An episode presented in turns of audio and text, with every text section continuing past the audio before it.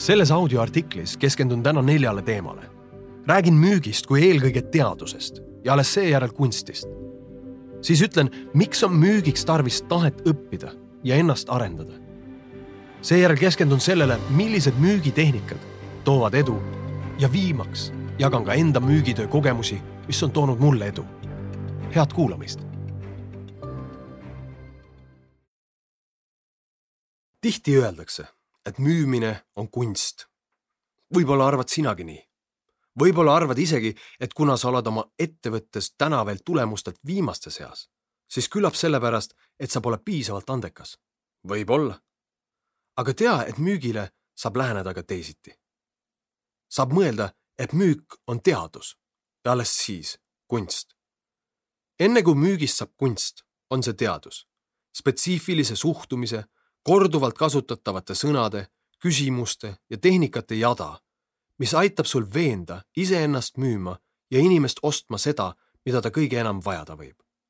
just nagu teaduski tahab müük katsetamist, et mõista, mis praktikas töötab ja mis jääb pelgalt teooriaks.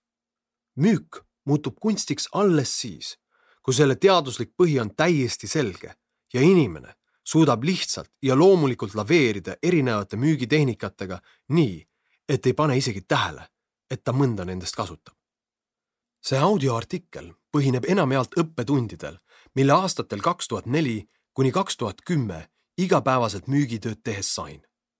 jagan siin omaenda tollaseid õppetunde, mis aitasid mul tõusta erinevates organisatsioonides parimaks müügiinimeseks ning annan praktilisi soovitusi, kuidas oma mõtlemine ja suhtumine õigele rajale suunata. edukaks müügiks on vaja enamat kui anne. vaja on tahet õppida ja ennast arendada. suur hulk müügiinimesi usub, et oskus teistest paremini müüa on neil veres ja enesearendamine on vajalik vaid neile, keda müügigeenidega õnnistatud pole. sellise mõtlemise traagika peegeldub müügiinimese võrdluses sportlasega. mis juhtuks, kui sportlane mõtleks, et piisab sellest, et tal on head geenid ja loobuks treeningust. kuid ometi just selline suhtumine keskmisel müügiinimesel tihti ka on. ta on elus üks-kaks korda trennis ehk mingil koolitusel käinud ja arvab, et sellest piisab. mis juhtuks tippsprinteriga võistlusel, kui tema viimasest treeningust oleks möödas aasta või rohkem? või pianistiga, kes harjutaks ainult kord aastas? või sinuga, kui sind opereeriva kirurgi viimane ja ainus väljaõpe oli kahepäevane konverents aastal kaks tuhat üks. müük on nagu iga teinegi ala. arhitektuur, helilooming, jalgpall, iluuisutamine. parimate hulka jõudmiseks on vaja küll teatud eeldusi, kuid tippu jõudmiseks peab tegema väga palju tööd, just nagu oma ala parimad seda teevad, päevast päeva, aastast aastasse. ainult müügitehnikad koos treeningplaaniga toovad kestva edu. tegelikult on päris kurb ju, et me mõistame treenimise vajadust, kui räägime karatekast või astronaudist, kuid ei näe igapäevaselt treeningul seost müügiinimeste tulemustega. mustvöö müügis saab olla vaid neil, kes selle saamiseks pidevalt treenivad. nii nagu häid tulemusi tegev ja hästi teeniv tippsportlane vajab ka müügiinimene treeningplaani ehk siis mitu uut kõnet päevas, mis kell, millised on eesmärgid. ta vajab ka treenerit, kes võiks olla firma parim müügiinimene ja tema toetus. ta vajab suurepärast treeningkava ehk müügiideid. ta vajab läbimõeldud toitumist ehk positiivset suhtumist ja ta vajab kogu hinges töö tegemist ehk reaalselt toru võtmist ja helistamist või kohtumisi. ühtki etappi ei saa vahele jätta kui oled näiteks töökas, aga väheste müügioskustega, siis ajad potentsiaalsed kliendid lihtsalt närvi ja seda isegi rohkem kui pisut rumalam müügiinimene, kes on laisk ja jätab seetõttu kõned kohtumised tegemata. enamik firmasid, olgu tegemist mikroettevõtete või hiiglaslike korporatsioonidega, teevad suurepärast tööd, et treenida oma müügiinimesi selles, mida müüa, kuid keskpärast tööd selles, kuidas müüa juhid justkui eeldavad, et kui nad uue müügiinimese tööle võtavad, siis ta juba oskabki väga hästi müüa. miks müügioskused nii vajalikud on. kätteõpitud müügitehnikad suurendavad enesekindlust ja loovad eelduse, et inimene ei anna raskes olukorras nii kergesti alla. ilma treeninguta müügiinimene ei helista näiteks ei vastuse öelnud kliendile tagasi. uuringud näitavad, et sõltumata valdkonnast teevad parimad müügiinimesed kuni kaks korda paremaid tulemusi kui keskmiste oskustega müügiinimesed ja müüvad tervelt viis korda rohkem kui kõige nõrgemad.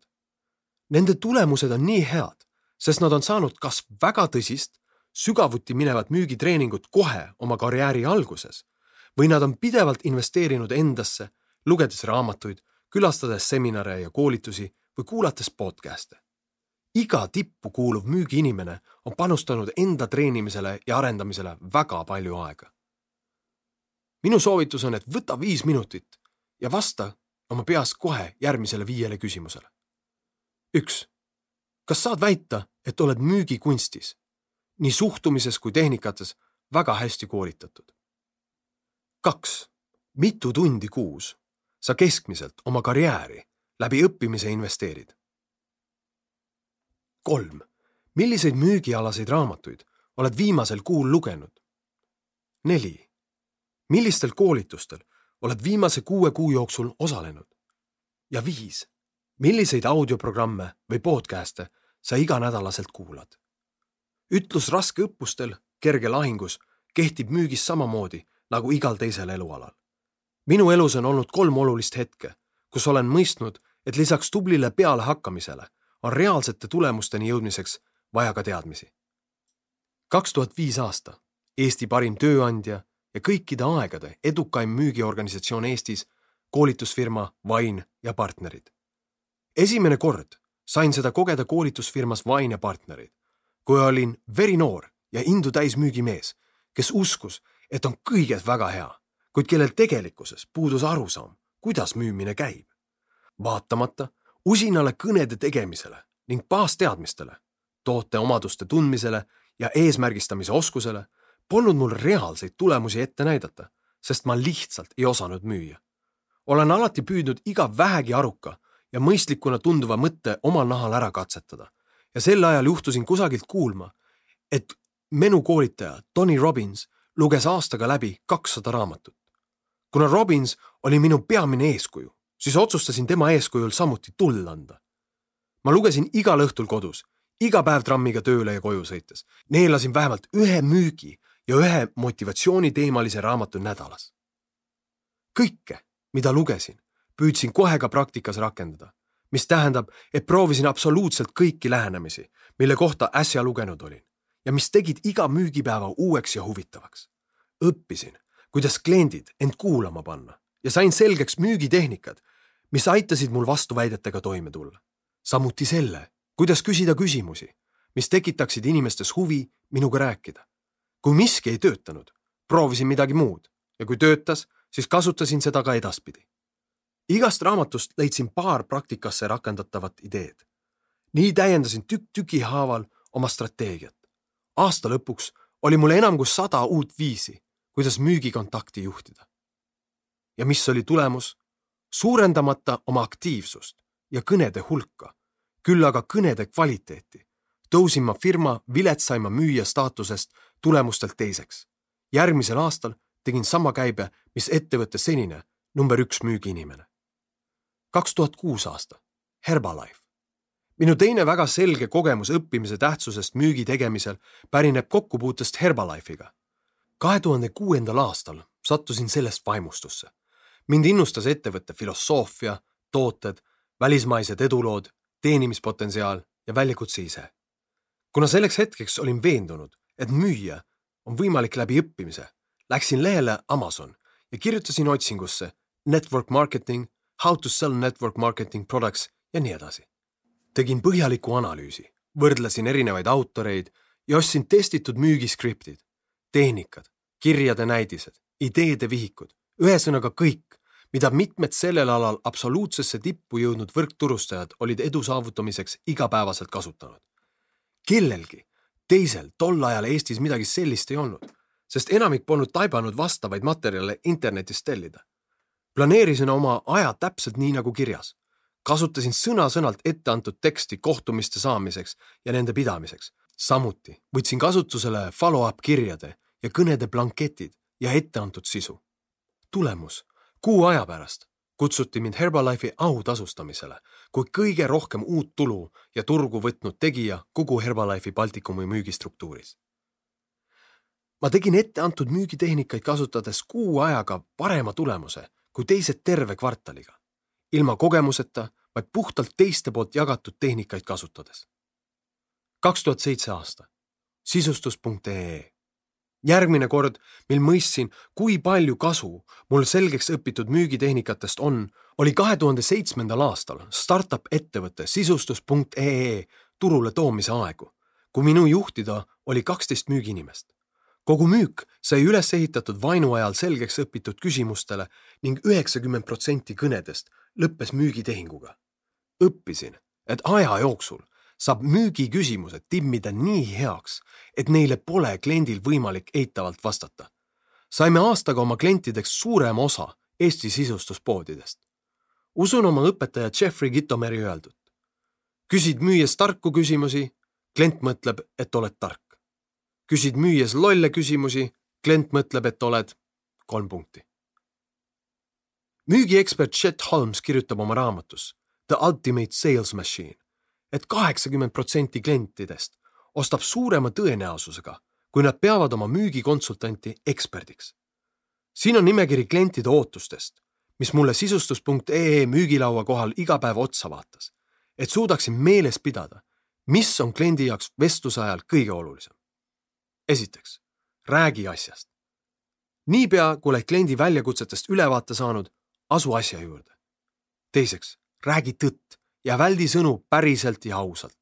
kui klient neid sõnu kuuleb, teeb see teda murelikuks, sest kas ta saab uskuda ka neid lauseid, mille juurde sa ausalt ei lisanud.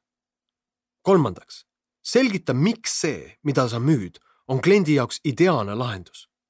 kui klient tõesti vajab seda, mida sa müüd, siis ta peab mõistma, kuidas täpselt tal sellest kasu on. neljandaks, tõesta, et sa ei aja mulli. klient ostab suurema tõenäosusega, kui sa näitad talle mõnda meedias avaldatud artiklit, mis kinnitab su usaldusväärsust. viiendaks, näita, et klient ei ole üksi. räägi talle analoogsest situatsioonist, kus keegi temasugune ostis su toote ja jäi väga rahule. klient tunneb end palju kindlamalt, kui teab, et ta ei ole esimene ega ainus, kes su toote ostab. kuuendaks, näita talle teist rahulolevat klienti. üks soovitus kliendilt on mõjuvõimsam kui sada müügipresentatsiooni näita, et sa oled kliendile toeks ka pärast seda, kui müük on sooritatud. näita, et hind, mida inimene maksab, on õiglane. klient tahab tunda, et ta teeb kasuliku tehingu. seitsmendaks, jäta kliendile valikuvõimalus, kuid anna alati oma soovitus. ütle, mida sina teeksid, kui tegemist oleks sinu rahaga ning mõtle seda päriselt. kaheksandaks, kliinita kliendi valiku headust. isegi kui ta on valiku teinud, võib ta tunda ebakindlust ja tehingus kahelda. kinnita tema valiku headust faktidega, mis tõestavad, et ta tegi õige otsuse. üheksandaks, ära ütle, et kliendi praegune eelistus on vale. igaüks tahab end oma valikutes hästi tunda, nii et sul ei maksa kliendi varasemaid valikuid halvustada. kümnendaks, kuula, mida inimene räägib. klient püüab sulle selgitada, mida ta osta tahab. kuula see ära, enne kui püüad talle meeleheitlikult oma toodet müüa. üheteistkümnendaks, aja klient naerma. kui sa kliendi tuju paremaks suudad teha, ostab ta palju parema meelega. kaheteistkümnendaks, tunne kliendi vastu huvi. kuigi klient ei pruugi sind tegelikult huvitada, aga tema enda jaoks on ta kõige olulisem inimene maailmas. ja viimaseks, ära kasuta teada-tuntud müüginippe, et klient ostma saada, kui ta osta ei taha. ära ole nagu müügiinimene, ole nagu sõber see tähendab keegi, kes tahab klienti päriselt aidata. Need ideed sain ma erinevatest raamatutest ja need on mind alati aidanud. soovitan peaaegu kõikidele müügiinimestele raamatute lugemist, sest seal on kirjas kõik, mida edukaks müügiks vaja läheb, alates kehakeelest kuni üheksakümmend protsenti kõikidest võimalikest vastuväidetest, mida kliendid müügiargumentidele anda võivad. absoluutselt kõike on võimalik ise õppida. küsimus on ainult selles, kes viitsib seda teha. müügiraamatuid on väga palju ja sellepärast annan mõned soovitused, millest võiksid alustada. minu absoluutne lemmik, Jeffrey Gitomer, Sales Bible. teiseks, Chet Holmes, The Ultimate Sales Machine. kolmandaks, Ekke Lainsalu, Kuidas jõuda müügist tippu. neljandaks, Tarmo Tamm, Must vöö müügis. viiendaks, Mahan Khalsa, Let's get real or let's not play. kui sa minu kodulehelt alarojastu.com otsid sellele audioartiklile sarnase pealkirjaga lihtsalt artiklit, siis leiad need inglisekeelsed raamatu pealkirjad linkidena. kui ütled, et sa ei ole inglisekeelseid raamatuid varem lugenud, siis see ei saa olla takistuseks. kaheksateistkümne aastasena, mil inglisekeelsete raamatute lugemisega algust tegin, oskasin ma inglise keelt nagu iga teine eestlane. esimesed viis-kuus raamatut lugesin läbi sõnaraamatu abiga ning pärast seda juhtus minuga see, mis juhtub ka sinuga. sõnaraamatut läks järjest vähem vaja kuni ma selle lõpuks hoopis riiulisse tagasi panin. pane endale näiteks mõneks ajaks internetibrauseri avaleheks amazon.com. kirjuta paberile kakskümmend viis küsimust, mida sa tahaksid teada töö, raha, suhete, müümise, positiivsuse, motivatsiooni, tervise ja ükskõik millise muu teema kohta ja kirjuta need Amazoni otsingusse. vaata, millist lugemisvara sulle pakutakse ja ühtlasi imesta, kui palju võrratut on neis raamatutes peidus, sest samu küsimusi on ka enne sind küsitud ning vastused neile on olemas sadades erinevates teostes. kui müügiinimene päriselt keskendub sellele, mis tema töös on tõesti kõige olulisem ehk müük ise, siis ei ole tal vaja kulutada aega ratta leiutamisele. teine võimalus on võtta shortcut ehk lühirada ja veenda oma juhti, et teie meeskonnal oleks kasulik tulla minu müügimotivatsiooni koolitusele Te saate aastate jooksul kogutud info kätte intensiivses vormis ja paari päevaga. aga siin on ka hoiatus. soovitan sul õppida minu veast ning esmalt mitte liiga palju esoteerilist kirjandust lugeda. sa võid tahta selle tulemusena tegeleda peamiselt oma hingega ja jätta päris elu unarusse. üks põhjusi, miks mul kulus kokkuvõttes üle viie aasta, et enda koolitusi hakata müüma, oligi juurdlemine selle üle, mida ma siis õieti tahan ja mida ma ei taha mis mulle meeldiks, mis oleks minu hingele hea. ja kurat, hingele ei kõlba nagu miski. hing tahaks raamatuid lugeda ja lilli vaadata, aga reaalne elu jääb elamata. hing ei ole väga meisterplaanide tegija ja asjade elluviija. müügikarjääri alguses on aga olulisem teha seda, mida sa teed hingega, kui teha pelgalt neid asju, mis on head hingele. lihtsalt unistamise asemel sea eesmärgid, mis sunnivad sind päriselt tegutsema aastal kaks tuhat kaheksa oli mu elus madal periood, kus mitmete finantsiliste tagasilöökide ja ebaõnnestunud investeeringuvalikute tulemusena oli mu ajus paika loksunud niinimetatud äraelamise miinimumprogramm, mis tähendas võimalust miinimumeelarvega kolm kuud kuidagi ära elada. passisin iga päev kodus ja rääkisin endale, et ei saa müüa, sest mul oli vaja tegeleda koolitusprogrammide kokkupanemisega. tõele näkku vaadates oli tegemist kõige olulisema ehk koolituste müümise asendustegevusega. mäletan tänaseni oma tollase mentori sõnu, kes ütles mõtte, millele ma polnud ise tulnud. Alar, see, et sul on praegu võimalik kolm kuud kuidagi ots otsaga kokku tulles ära elada, on äärmiselt ohtlik, sest see hoiab sind passiivsena. minu soovitus on oma raha kohe ära kulutada ja panna end paratamatuse ette, et sul lihtsalt on raha juurde vaja. see paneb sind tegutsema ja müüma küsimus ongi, kas ma tahan tegelikult elada või lihtsalt ära elada. minu mentor lisas, et kui tema ainult koolitustega tegeleks, seaks ta endale eesmärgiks teenida vähemalt sada viiskümmend tuhat krooni kuus. kuuldes tema hääles enesekindlust, oli minu esmane reaktsioon siiras imestus. ta tõesti usub, et oleks võimeline seda tegema. mina polnud julgenud sellistest summadest isegi unistada, sest minu tolle hetke uskumuste tasandil tundus selline teenistus täiesti võimatu sellele järgnes ehmatav tõdemus. mis on juhtunud minu suurelt mõtlemise võimega? alles aasta tagasi olin teinud plaane, kuidas korralikult raha teenida ja nüüd tahtsin lihtsalt kuidagi ära elada. aga kui minu alateadlik baassõnum on äraelamine, siis väljendub see uskumus ka minu tegudes ja ma lepin alati miinimumiga. paljude müügiinimeste probleem seisnebki selles, et miinimumeelarve ehk äraelamine ei nõua erilist pingutust kui majanduses on tõusuperiood, siis on teenimise eesmärkide seadmine enamasti puhtalt spekuleerimine ehk eesmärgid seatakse emotsioonide, tavaliselt entusiasmi pealt. Nende täitmine ei eelda ka erilist plaani, loodetakse juhusele. paraku kandub sarnane tegutsemine harjumuslikult üle ka raskele perioodile. eesmärkide seadmine käib jätkuvalt emotsiooni abil, milleks on seekord entusiasmi asemel hirm ja kahjuks ka tegutsetakse samamoodi, ilma selge plaanita. et kui läheb hästi, seame suured sihid ja kui läheb halvasti, on sihid automaatselt väikesed. mõistsin, et mul oli vaja kontroll enda kätte võtta ja luua emotsionaalse soovimise ja reageerimise asemel konkreetne plaan. mentori soovitatud sada viiskümmend tuhat krooni tundus emotsionaalsel tasandil absurdsena, kuid järele mõeldes sain ma ta mõttest aru. iga number eeldab konkreetset plaani ehk minu tollases kontekstis üleüldse plaani tekkimist. seega küsimus sulle. millised on sinu selged numbrilised eesmärgid? ja veel ka kuus lisaküsimust. mitu müüki sa tahad ühes päevas, nädalas ja kuus teha? mis on sinu keskmise müügi väärtus rahas? et oma eesmärk saavutada, kui palju sa pead teenima päevas, nädalas ja kuus? mitme kliendiga sa pead rääkima, et müük sooritada? kui palju kõnesid, emaile, kohtumisi, presentatsioone on sinu äris vaja, et need eesmärgid täituksid? ja viimaks, kui järjekindel sa oled oma klientidega suhtlemisel? kas sa kardad hirmust keegi välja vihastada, talle mitu korda helistada?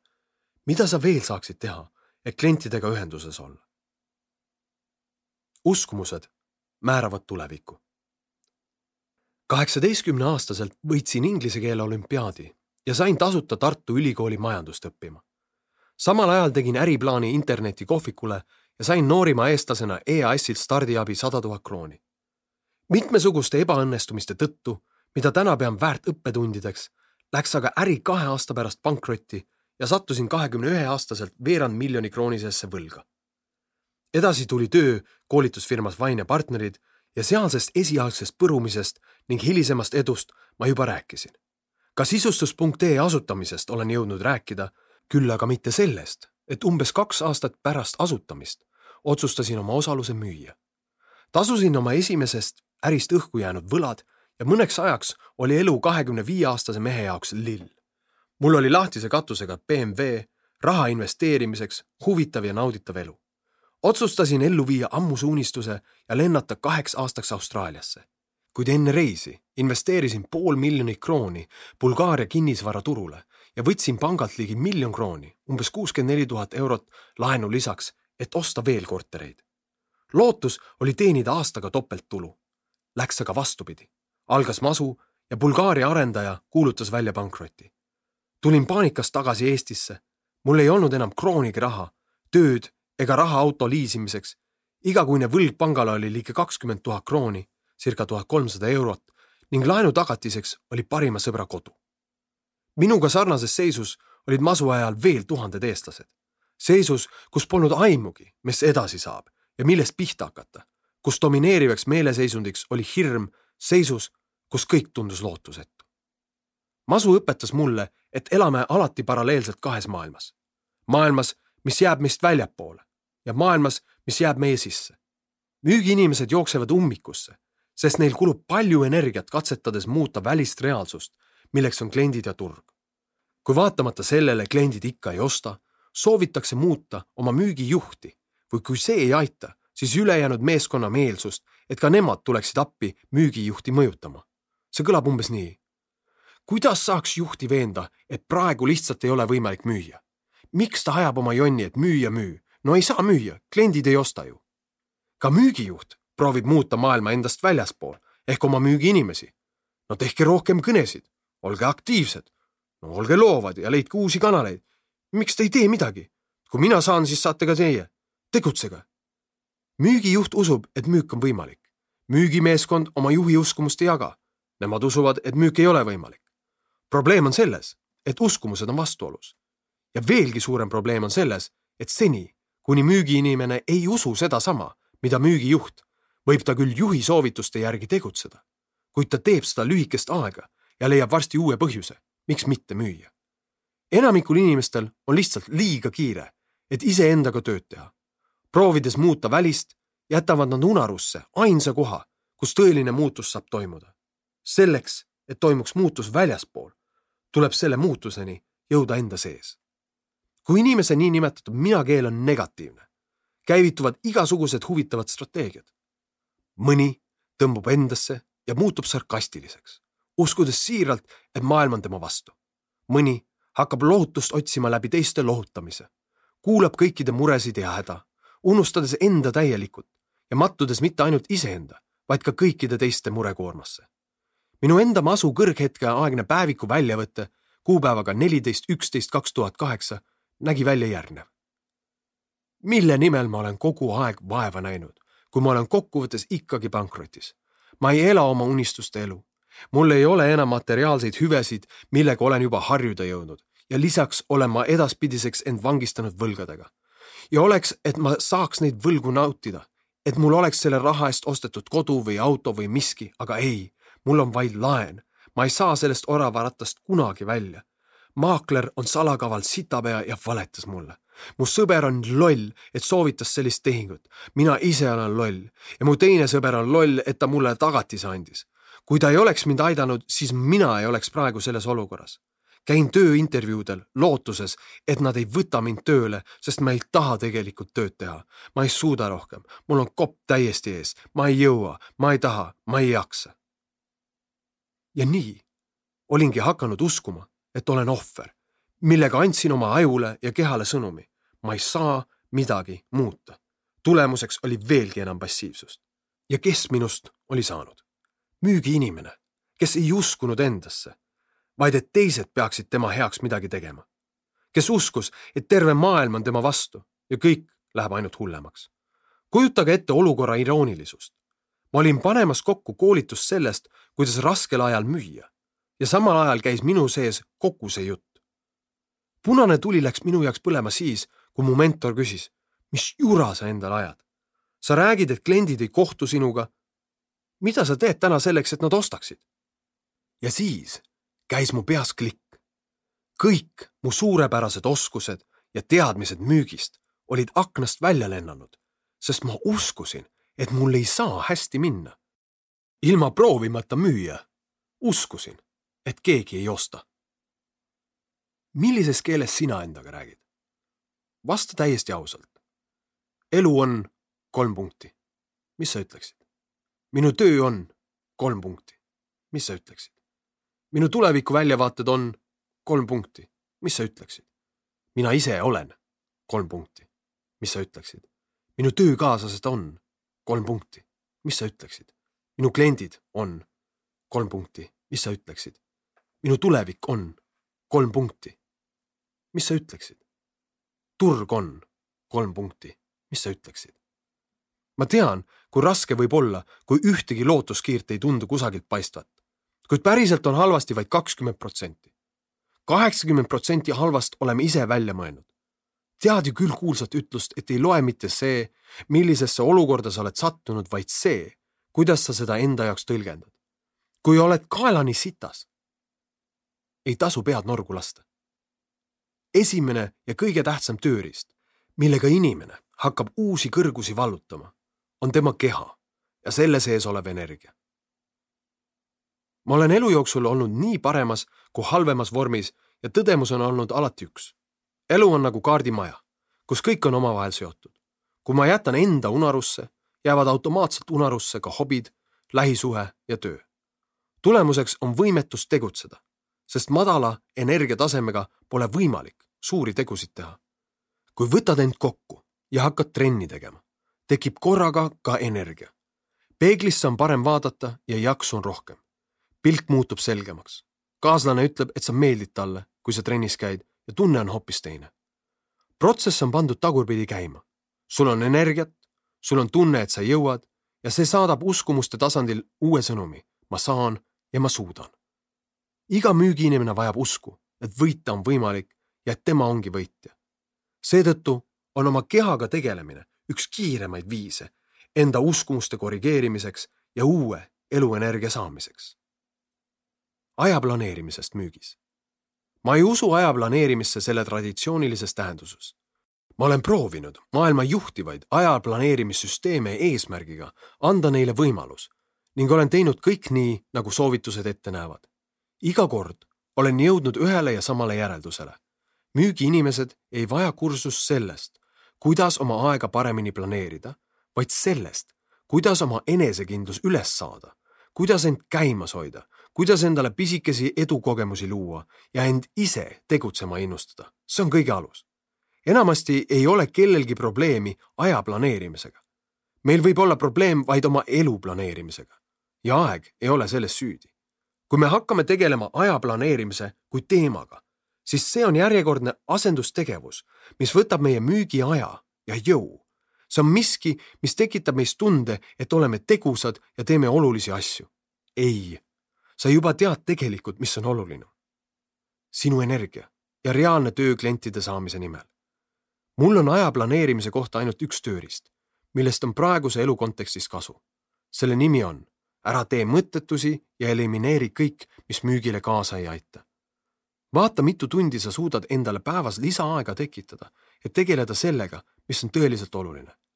pane oma arvuti brauseris kinni sotsiaalmeedia ja käi seal vaid kord päevas, kui üldse. kustuta telefonist kõik äpid, mis piiksuvad ja su tähelepanu tõmbavad. kindlasti lülita välja ekraanile ilmuvad teated, mis ütlevad, et keegi kirjutas sulle Messengeri. võib ju tunduda, et meilide lugemine on oluline kuid see pole nii. määra kindlaks kaks aega, millal sa e-kirju loed ja elimineeri kõik muu. vaata oma postkasti näiteks ainult kell kaksteist ja kell kuusteist. vahepeal ära seda puutu. postkasti kontrollimine on asendustegevus, mis hajutab fookust ehk tekitab järjekordselt illusiooni, et oled tegus, kuigi tegelikult ei tee sa suurt midagi. kindlasti võta postkasti sätetest maha ka uue emaili teavitused see, et äkki tähendab just sisse tulnud e-kiri müüki, ei ole põhjus kirja avamiseks. Tee reaalset müüki kas kohtudes või telefoni teel ja kui kell kuusteist postkasti vaatad ning seal ongi müük, on see vaid boonuseks. võid katsetada näiteks valemit. mine viisteist päeva järjest nelikümmend viis minutit varem magama. tõuse viisteist päeva nelikümmend minutit varem üles ja kirjuta hommikuti. guugelda märksõna morning pages, siis saad teada, mida ma mõtlen kolmandaks, asenda kuuks ajaks hommikune võileib mõne tervisetootega. See annab sulle aega kirjutada ja energiliselt päeva alustada, pluss aitab ka tegelikult vormi saada. neljandaks, kirjuta viieteistkümnel järjestikusel õhtul üles, mille eest sa täna tänulik oled. ja viimaks, käi kolm korda nädalas trennis ja tee seda viisteist korda. pärast seda vaata, mis su enesetunde ja energiatasemega juhtunud on ja mõtle, kas tahad vana elu juurde tagasi pöörduda? Uuringud on välja toonud järgmise hämmastava statistika põhjustest, miks müügiinimesed ei saavuta püsivalt tulemusi. viisteist protsenti on ebapiisav treening. puuduvad nii toote kui ka müügiteadmised, sellest juba rääkisin. kakskümmend protsenti on nõrk verbaalne ja kirjalik suhtlemisoskus. viisteist protsenti on nõrk või problemaatiline juht või juhtkond ja viiskümmend protsenti on mõtteviis ja suhtumine. Selle loogika järgi võiks müügiinimesed või tegelikult ükskõik kes saavutada viiskümmend protsenti enam ükskõik millises valdkonnas, kui nad vaid muudaksid oma suhtumist. kui ma müügiinimesena seda statistikat esimest korda nägin, siis ei tahtnud ma seda muidugi iseendale tunnistada.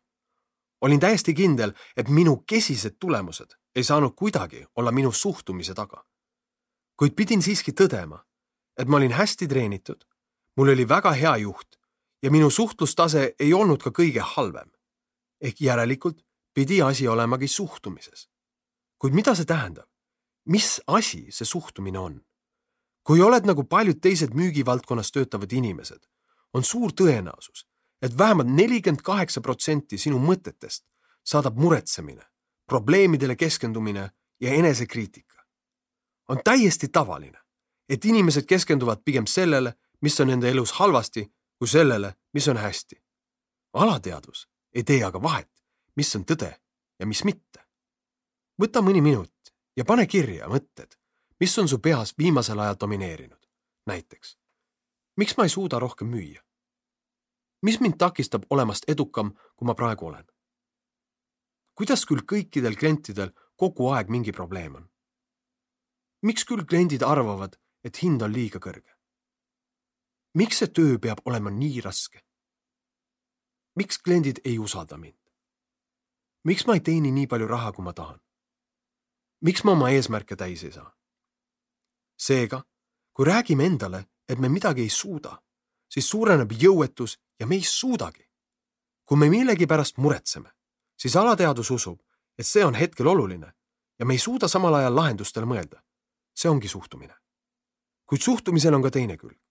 Nii nagu me ei suuda korraga mõelda probleemile ja leida lahendusi, ei suuda me korraga keskenduda lahendustele ja leida probleeme. ehk see, millist toitu su alateadus saab, sõltub sinust endast. kui oled restoranis, siis suudab aju välja lõigata kõik muu, teised inimesed, muusika, valguse ja keskenduda ainult su vestluskaaslase jutule. või kui sulle meeldib mingi auto või riietusese, näed seda korraga igal pool. kuna see on nüüd sinu huviorbiidis, siis leiab sinu aju selle nüüd igalt poolt üles. kui mõtled, et müüa on raske, noh, leiab aju sellelegi kinnitust. see töötab piltlikult öeldes nii. iga kord, kui sa midagi otsustad, tekib sinu ajus olevate neuronite vahel uus pisike side. korda seda mõtet ja see side muutub pisikeseks niidiks, siis nööriks ja siis tugevaks köieks. meil kõigil on sellised hästi sisse tallatud negatiivsed mõttemustrid, mis hoiavad meid kinni. ma ei suuda nimesid meelde jätta, näiteks. Ma ei oska süüa teha. ma ei oska tantsida. ma ei oska müüa kõik need on mõtted, mida oleme mõelnud tuhandeid kordi ja mis loovad meie reaalsust. me unustamegi nimesid, astume partnerile jala peale ja keerame asjad kihva. loome endale uuesti ja uuesti ebaedu kogemust, sest kunagi otsustasime nii. kuid samal ajal on inimesi, kes hakkasid miskipärast uskuma, et neil on hea mälu. Nad on head kokad, tantsijad, head suhtlejad või suurepärased müüjad ja nad loovad edu seal, kus teised kogevad ebaedu mõtle korraks, kas sul on positiivne ellusuhtumine. enamik ütleb, et neil on, kuid tegelikkuses mõtleb positiivselt vaid väga väike osa inimesi. jagan ühte tööriista, millega saad oma siseseisundit ehk ellusuhtumist ja mõttemustreid pidevalt kontrollida ning muuta neid positiivsemaks. et teada saada, kas oled negatiivne või positiivne, vasta jah, ei järgmistele küsimustele. taaskord, see nimekiri ja test on ka mu kodulehel samanimelise artikli all võib-olla see lihtsustab sellele vastamist. siin on kaksteist väidet.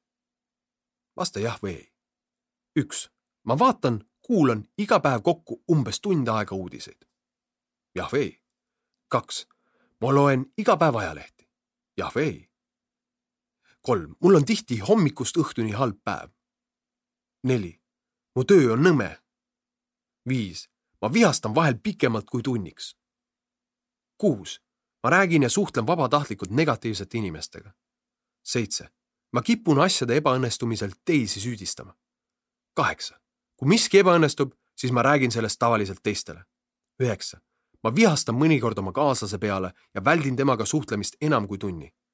kümme, ma toon isiklikud mured tööle kaasa ja arutan neid teistega. üksteist, ma ootan ja valmistun halvimaks. Kaksteist, ma olen ilmast liiga külm, liiga kuum, liiga vihmane, nii palju mõjutatav, et pean seda teistele inimestele kurtma.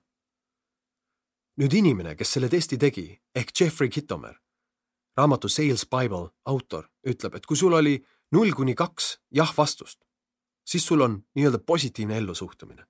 aga kui sul oli kolm kuni kuus jah-vastust kaheteistkümnest, siis sul on negatiivne ellusuhtumine. Vaatame, millist mõtlemist või uskumusi järgmised punktid esindavad. ma vaatan, kuulan iga päev uudiseid kokku vähemalt kakskümmend viis minutit, sest kui ma ei tea, mis toimub, siis kuidas ma saan efektiivselt tegutseda? tegelikkuses ei juhtu mitte midagi, kui sa ei tea, et maa kusagil värises või ühes või teises riigis pandi toime mõrv. teave sind mõjutavatest olulistest sündmustest jõuab sinuni niikuinii, ilma uudiseid lugemata. mõtle hoopis sellele, mis juhtuks siis, kui sa võtad selle tunni mis seni iga päev uudiste või millegi muu negatiivse jälgimiseks on kulunud ja teed sel ajal mõnda positiivset tegevust. näiteks lähed trenni või õpid midagi uut. kui sa asendad uudiste vaatamise õppimisega, oled aasta lõpuks iseendasse investeerinud rohkem kui nelikümmend viis kuuetunnist päeva. mul on tihti hommikust õhtuni halb päev. kus kohas halb päev aset leiab? kas selleks on tegevused, tulemused või mõtted? mõtle millal mõtlesid esimest halba mõtet? mis tervele päevale alguse pani. mõte loob seisundi ja suhtumise, mis omakorda mõjutab müügi tulemust. mõtle sellele. mu töö on nõme. kas see on väline reaalsus või takistav sisemine uskumus? kas on võimalik, et kellelegi meeldib see töö? milliseid mõtteid sa mõtled, kui usud, et see töö on nõme? millise seisundi see sinus loob? kas on üldse võimalik, et keegi sellise mõtte juures häid tulemusi saavutab? ma vihastan vahel pikemalt kui üheks tunniks. kus vihastamine toimub? kuidas täpselt on võimalik vihastada rohkem kui üheks tunniks? sa mõtled midagi juurde, eks ole, räägid endale mingit lugu. see loob omakorda lugusid ja mõtteid, mõtted tõmbavad ligi sarnast mõtlemist ja seisund muudkui võimendub. mis saab sinu müügitulemustest? ma räägin ja suhtlen vabatahtlikult negatiivsete inimestega. miks sa seda teed? Kui sul on ülihea tuju, oled energiline ja rõõmus, kas see tuli negatiivsete inimestega suhtlemisest? seega, kas sul on vaja negatiivsete inimestega üldse suhelda? ma kipun asjade ebaõnnestumisel teisi süüdistama. kas asjade ebaõnnestumine on üldse võimalik või on asi sinu suhtumises? ma ei ütle, et suhtumise muutmine on lihtne, aga see on võimalik. plaani järgi töötamine ei ole lihtne kui oled harjunud päeva kaootiliselt mööda saatma. Parimatelt nõu küsimine ei ole lihtne, kui pead iseennast kõige targemaks. iga päev millegi uue õppimine ei ole lihtne, kui usud, et tead juba kõike. oma emotsioonide kontrolli all hoidmine ei ole lihtne, kui oled harjunud kogu vaba aja telekat vaatama. ja uute asjade proovimine töös ei ole lihtne, sest lihtsam on teha nii, nagu alati. teeme veel ühe väikese testi siin on kakskümmend üks tippmüüjatele omast harjumust. kui paljusid neist saad ka enda omaks pidada? Mul on eesmärgid kirjas. ma olen distsiplineeritud. ma olen motiveeritud. ma janunen uute teadmiste järele. ma tahan luua häid suhteid. ma olen enesekindel. ma meeldin endale. mulle meeldivad inimesed. mulle meeldib väljakutse. mulle meeldib võita ma võtan tagasilööke vastu positiivse suhtumisega. ma suudan süveneda detailidesse. ma olen lojaalne. ma olen entusiastlik. Ma olen tähelepanelik. ma olen hea kuulaja. mul on hea perspektiivitunnetus. ma olen osav suhtleja. ma teen kõvasti tööd. ma tahan end rahaliselt hästi tunda. ma olen järjekindel. kui sa vastasid viieteistkümnele või enam väitele jaatavalt, siis on sul headeks tulemusteks eeldused olemas kui jah-vastuseid oli kümne ja neljateistkümne vahel, siis on sinuga lugu nii ja naa.